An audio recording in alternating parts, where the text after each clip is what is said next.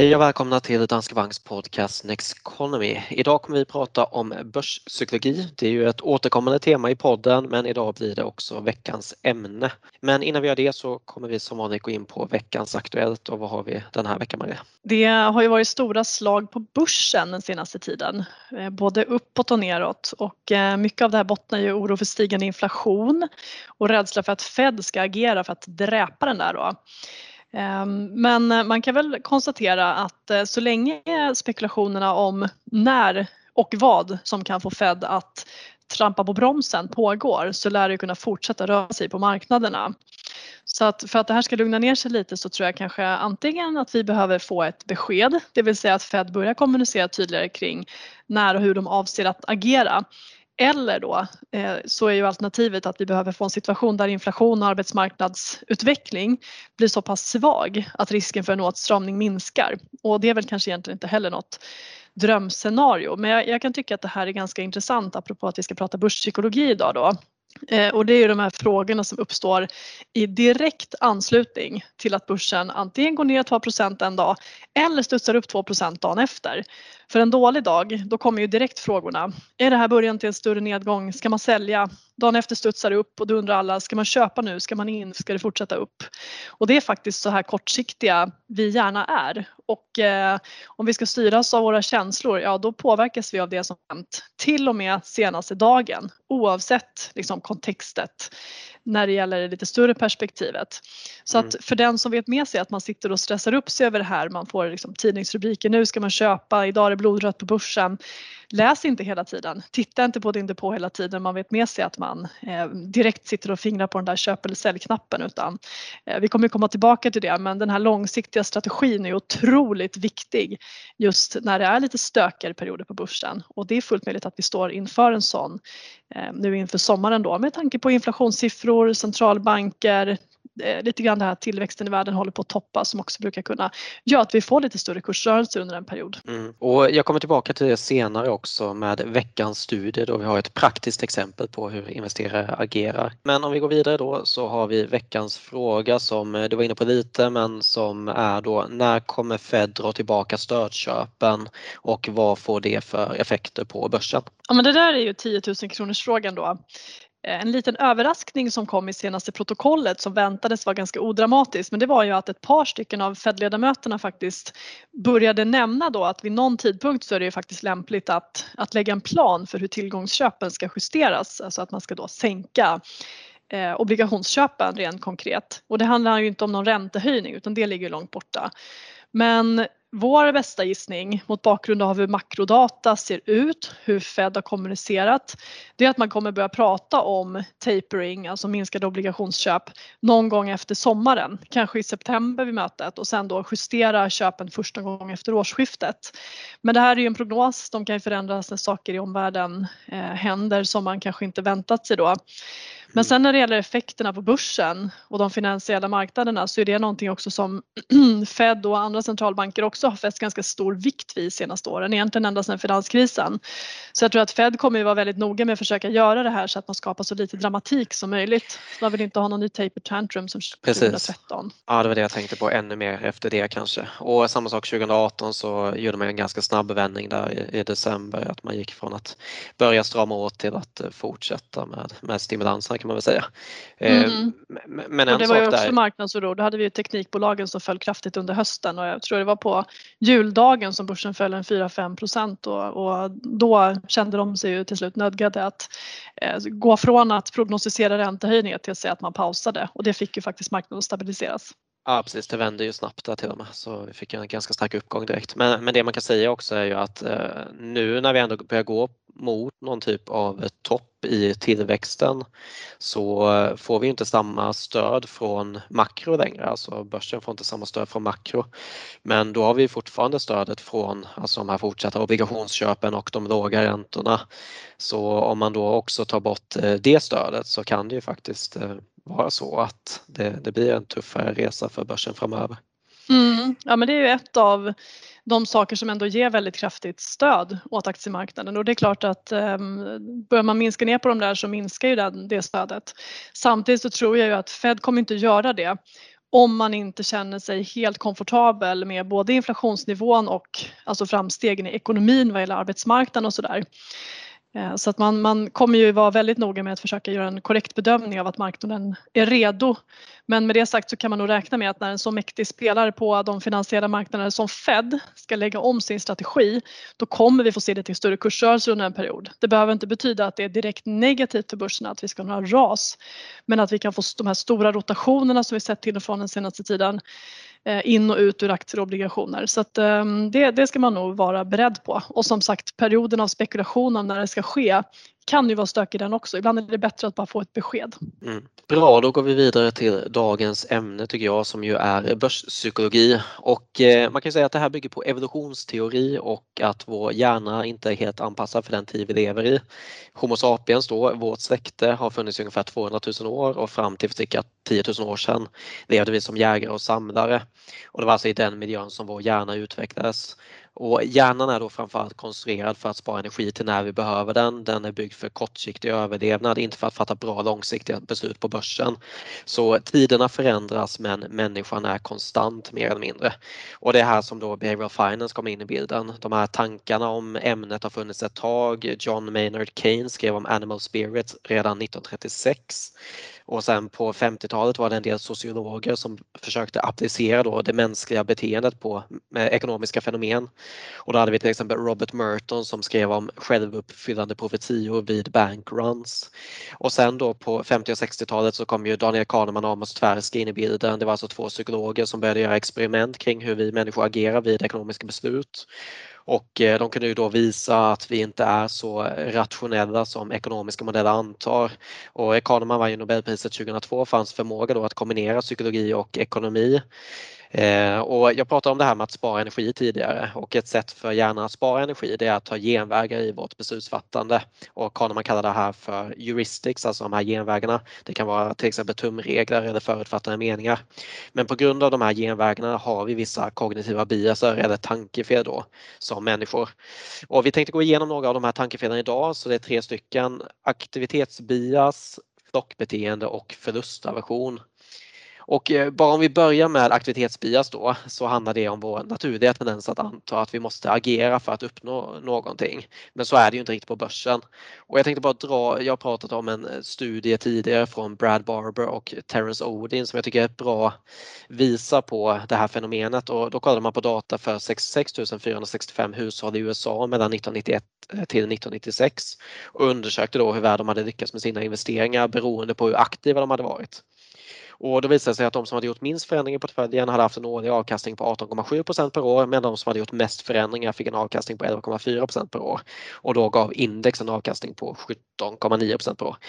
Så det var alltså tydligt att ju mer aktiviteten ökade desto mer minskade avkastningen och de mest aktiva straffades hårdast. Och sen var det också så att aktievalen var inte det stora problemet. De bidrog till och med positivt till portföljens utveckling. Man hade till exempel valt småbolag i portföljerna vilket bidrog positivt under perioden jämfört med S&P 500 då som ju är ett större bolag. Och det var istället då felaktiga beslut kring köp och sälj som var det mest negativa för utvecklingen. Så antalet beslut ökade antalet felbeslut. Och eh, framgångsreceptet på börsen handlar ju ofta om att inte göra någonting, något som vi brukar prata om. Men den här aktivitetsbiasen då kan få oss att vilja agera.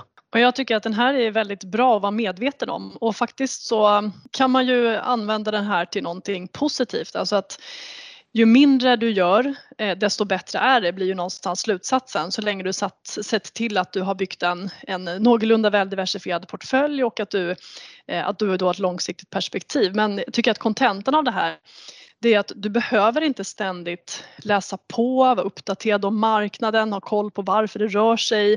Du behöver inte göra förändringar, justeringar för att du ska lyckas med ditt sparande. Så att till skillnad från hur det är med många andra saker där man blir bättre och bättre ju mer man tränar, läser på, försöker så är det ofta precis tvärtom med sparandet. Det man behöver göra det är i princip att sätta upp en global portfölj allra enklast via en globalfond som speglar ett globalt index, en sparrobot eller då genom att sätta upp olika fonder som efterliknar ett globalt index ehm, och starta ett månadssparande så att pengarna hela tiden tickar på in. Sen behöver du inte göra någonting mer och det är ju tycker jag en av de kanske mest fantastiska sakerna med sparande. Man behöver inte vara expert utan alla kan faktiskt lyckas. Nej precis och vi tenderar ju att eh, krångla till det där och sen just det här med då aktivitetsbias den blir ju extra tydlig i extremerna. Alltså det är oftast då när det går kanske kraftigt uppåt eller det går kraftigt neråt då man får extra den här känslan av att nu är det dags att agera. Antingen då för att rädda upp situationen på botten så då tänker man att för att lösa det här problemet då ska jag agera. Eller då att när man är uppe på toppen då vill man gärna agera för man vill kanske ta på sig mera risk för man vill inte se andra tjäna massa pengar och missa den där kraftiga uppgången då. Så, så ja, det, det och det är det vi har pratat om mycket ja. senaste året också det här med FOMO. Exakt. det går upp så mycket om man läser i tidningen om alla som har blivit miljonärer och tjänar pengar och man ser Twitterkonton med otroliga procentuella avkastningar och känner att eh, här måste man ju in med mer pengar och, och mm. det är lätt att bli rik. Så att ehm, ja, den där är spännande. Och eh, det tycker jag för oss vidare till nästa del i det här då och då har vi flockbeteende. Och här finns ett klassiskt experiment. Det är sociologen Salmon Ash som gjorde ett experiment på 50-talet. Och det var sju försökspersoner som fick två olika kort med streck på. Och på det ena kortet fanns ett streck och på det andra tre. Sen fick de frågan vilket av strecken på det högra kortet som var samma längd som det på det vänstra. Och svaret var väldigt tydligt men i experimentet hade då Ash redan på förhand sagt åt sex av de sju försökspersonerna att ge fel svar. Så när den sjunde personen ska ge sitt svar finns det alltså redan sex svar som går emot vad som är det uppenbart rätta svaret. Och i många av fallen väljer den sjunde personen att hålla med om det felaktiga svaret bara för att det inte går emot gruppen.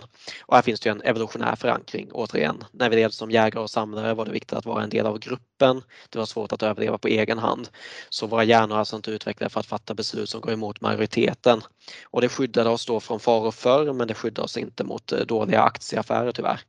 Så eh, det här är något som blir tydligt och som du var inne på tidigare, när det har gått starkt så vill många in på börsen för att alla redan är där. Och det, det är ju ett av de beteenden som jag tror att man eh, kanske lättast kan känna att man eh, hakar på och att man drabbas av och det spelar nog ingen roll tror jag om man är börsamatör eller om man har suttit länge Därför att stora kursrörelser på börsen påverkar oss mentalt oavsett om det går upp eller ner och det är då vi känner som allra starkast för sparandet. Um, och det här kan man ju se inte minst på flöden in och ut ur fonder också att de perioder som vi haft när börsen rasar som till exempel under förra våren när coronakrisen bröt ut då såg vi väldigt stora flöden ut ur aktiefonder eh, under mars då när börsen föll som allra kraftigast. Vi hade de här stora slagen och fallen på över 10% per dag och sen så när det repade sig så kom det ganska snabbt in pengar. Man kan ju även se det ner mer på på sektornivå, hur mycket pengar det gick in i branschfonder under fjolåret och det handlar ju framförallt om teknikfonder och det handlar om eh, grön energi som var otroligt i ropet. Och där får man också det här flockbeteendet och det kanske inte handlar om att alla plötsligt har liksom upptäckt teknikbolagen eller fått förståelse för grön energi och strukturell tillväxt på börsen utan just att man läser om det här i tidningen, man ser att alla andra köper det och det verkar gå urbra. Här gäller det att haka på. Men där eh, tycker jag att man ska tänka efter lite och återigen så kommer vi tillbaka till det här med diversifiering, alltså att ha en bred portfölj i, i grund och botten och sen så kan man addera det här på toppen.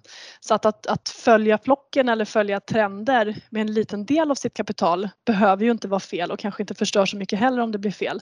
Men um, man ska vara försiktig med att, att fatta för stora beslut som kan få allvarliga konsekvenser för mm. avkastningen, speciellt när det rör sig så mycket då. Precis och det här problemet är ju också att ofta så, eh, som du var inne på där, kollar man då på utvecklingen för ett världsindex till exempel och sen nettoflöden i globalfonder kan man se då att insättningar i fonder och uttag från fonder kommer följa börsens rörelser ganska så mycket. Och tendensen är ju också att man ofta kommer in, alltså de, de största inflödena sker ju när börsen redan har gått upp en bit. Och sen så kommer utflödena sen då närmare botten. Så det innebär att du är med en stund upp till toppen och sen så kommer du sälja någonstans närmare botten vilket ju då över tid gör att man avstår från avkastning. Mm. Eh, och, men om vi går vidare på den sista här så har vi förlustaversion och då har ju de flesta nog hört talas om det här att en förlust gör ungefär dubbelt så ont som en vinst känns bra. Och det var Kahneman och Tversky som gjorde en del olika tester på det. Bland annat så erbjöd man olika personer möjligheten att singla slant om pengar. Så vid krona vann man 100 dollar och vid klave förlorade man 100 dollar. Men det var få som gick med på det så man testade hur stor vinst som skulle krävas för att någon skulle gå med på risken att förlora 100 dollar. Och för de flesta blev svaret ungefär 200 dollar eller något över det till och med. Så glädjen av en vinst är alltså ungefär ungefär hälften så stor som den obehagliga känslan av en förlust. Och där får en del effekter vid investeringar. Vi behåller gärna förlustaktier i portföljen. Så länge vi inte säljer kan vi fortfarande få tillbaka pengarna. Vi behöver inte erkänna förlusten och slipper slipper känna den där smärtan av att förlora. Men det kan vara värt att påminna sig om att en nedgång kräver en, en större uppgång. Det har jag varit inne på tidigare. Om man låter förlusten växa mer och mer så blir det svårare och svårare att ta igen nedgången. Så en nedgång på 10% kräver en uppgång på 11% En nedgång på 30% kräver en uppgång på 43 Och en vanlig tendens är ju då att man gärna vill vinna tillbaka pengarna i samma aktie också. Men grejen är den att om man nu vill få tillbaka en nedgång på 30% till exempel så ska man försöka hitta den aktie som har bäst förutsättningar att gå upp med 43% och det behöver inte vara aktier man äger. Så eh, ja, förlustaversionen finns i oss. Vi vill inte erkänna för oss själva att vi har gjort ett misstag så, så då behåller vi gärna förlorare. Då. Och det gör ju att man eh, gifter sig med sina förlustaktier därför att så länge man inte realiserat den här förlusten så finns den inte. Men däremot så kan man tänka sig att sälja av en, en vinnaraktie i portföljen mm. när man kanske egentligen borde göra tvärtom då. Mm. Och här gäller det också att ha en strategi och faktiskt eh, veta hur man ska utvärdera den här aktien då som eventuellt inte alls utvecklats som man tänkt sig. Ehm, istället för att man bara sitter och håller i den eller att man försöker snitta ner sig när förutsättningarna för bolaget kanske har, faktiskt har förändrats till det sämre. Det är ju trots allt en, en ehm, eh, marknadsmässig kurs någonstans så att man måste ju försöka titta på marknaden eh, faktiskt kanske prisar aktien rätt nu på den lägre nivån. Men det man kan säga är väl så att äger man en enskild aktie som gått dåligt och du inte vill ta hem den där förlusten, då kan det ju om man har otur bli i princip hur dyrt som helst för det finns ingen garanti för att den där aktien någonsin ska komma tillbaka till den nivå den var på. I värsta fall så går ju bolaget i konkurs. Men för att då koppla tillbaka till det med diversifiering, alltså har du en, en bred portfölj ett långsiktigt perspektiv så kan du faktiskt trösta dig med att om du har börjat spara så har börsen gått ner, du kanske ligger back till och med. Det känns ju jättejobbigt förstås men då kan du tänka på att över tid så har börsen faktiskt alltid stigit historiskt oavsett hur djupa kriser vi gått igenom. Så att, att hålla fast vid ett fondsparande om det går ner det är ju helt rätt. För skulle något av de här 200 bolagen som den äger på Stockholmsbörsen eller ett av de här 3000 bolagen som finns i din, din globalfond, då spelar det ingen roll därför att det uppvägs av att många andra kommer gå bra. Så att det här är också någonting som eh, faktiskt eh, förlustaversionen, att man inte vill realisera en förlust, det kan faktiskt vara till nytta skulle jag till och med vilja påstå då i ett, ett fondsparande. Att man håller fast vid det där, fortsätter månadsspara och det kommer att repa sig men det är inte säkert att din aktie gör det. Men det finns alltså många exempel på att investerare själva är det största hindret mot bra avkastning över tid och det här kallas ju för beteendegapet, alltså skillnaden i vad investeringen eller marknaden ger för avkastning och vad investerare får för avkastning. Och den skillnaden har alltså att göra med hur vi beter oss på börsen. Och när man kollar på vad investerare kan förvänta sig för avkastning så kollar man ofta på vad börsen har gett under längre tidsperioder och antar att det är den avkastningen som investerare kan förvänta sig. Eh, till exempel 7 8 per år för ett världsindex historiskt. Eh, men så är det ju inte riktigt. Eh, den avkastning investerare kan förvänta sig att få är faktiskt någon procentenhet lägre än börsens avkastning för att vi gör de här misstagen. Och det finns många olika studier som har försökt estimera det här årliga beteendegapet i avkastning, alltså hur mycket tappar småsparare på grund av hur de agerar på börsen. Och jag har några stycken här som jag bara tänkte gå igenom lite snabbt. Vi har eh, Mutual Fund Flows and Investor Returns från 2007 där man tittar på 7215 amerikanska aktiefonder mellan 91 och 2014. Och det visar visar sig att investerarna i fonden inte får samma avkastning som fonden då. Den är i genomsnitt 1,6% sämre per år. Sen har vi analysfirman Dalbar som gör samma typ av utvärdering varje år och om man kollar på en 20-årsperiod, alltså 95 till 2015 så får de det istället till minus 3,5% per år. Och det är ju ännu sämre då. Och sen har vi då Brad Barber och Terence Odin, det var den studien jag pratade om tidigare. De mest aktiva fick en avkastning på 11,4% per år medan index gav en avkastning på 17,9% per år. Så snitthushållet hade en avkastning på 16,4% Alltså minus 1,5% per år som snitt men minus 6,5% om man kollar på de mest aktiva. Så vi har alltså studie på studie som visar att vårt beteende leder till sämre avkastning. Så vi försöker addera avkastning genom att tajma marknaden men istället så blir det tvärtom. Då. Mm. Så sitt lugnt i båten, is i magen, alla de här slitna uttrycken, de är faktiskt ganska bra. Ja precis. Och sen har vi ju den här eh, grejen då att eh, även fast man har gått igenom de här tankefelen nu och eh, kan tänka sig då att vi borde kunna undvika de här misstagen i framtiden så är det ju inte riktigt så enkelt för grejen är den att Daniel Kahneman han är 87 år idag och han jobbar fortfarande, kom precis ut med en ny bok som heter Noise och han har spenderat en stor del av sin karriär åt att studera de här misstagen som vi gör. Och när han får frågan om han är bättre på att hantera de här tankefelen än andra så säger han nej på den frågan. Så även om vi känner till dem så tenderar vi att göra misstagen ändå. Och sättet att skydda sig mot det är ju då genom att ha en tydlig strategi eller process och hålla sig till den över tid. Och det är ju som du var inne på också, som vi har varit inne på mycket tidigare, just att börja med att ha den här diversifierade globala portföljen gör att eh, du ändå har någonting att hålla fast vid när det blir lite mer stökigt på börsen. Eller så. Mm. Och det enda man ska göra det är att låta månadssparandet, om man har ett sådant, fortsätta rulla på. Och man ska speciellt inte röra det om börsen går ner utan då får man fokusera på att det blir lite billigare när jag köper den här månaden än förra. Vad bra, förr eller senare vänder det upp och då kommer de här pengarna öka i värde snabbare.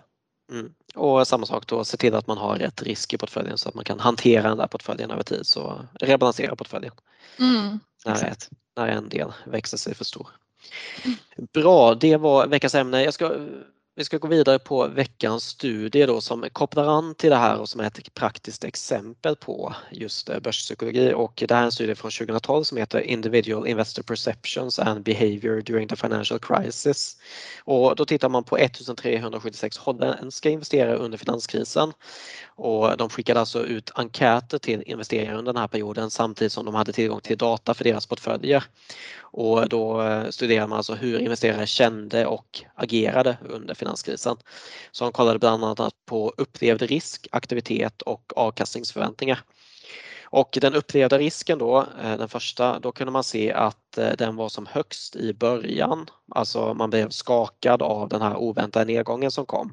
Och det är något som Kahneman och Tversky menar också att när något oväntat händer snabbt så får det som störst effekt på den upplevda risken hos investerare.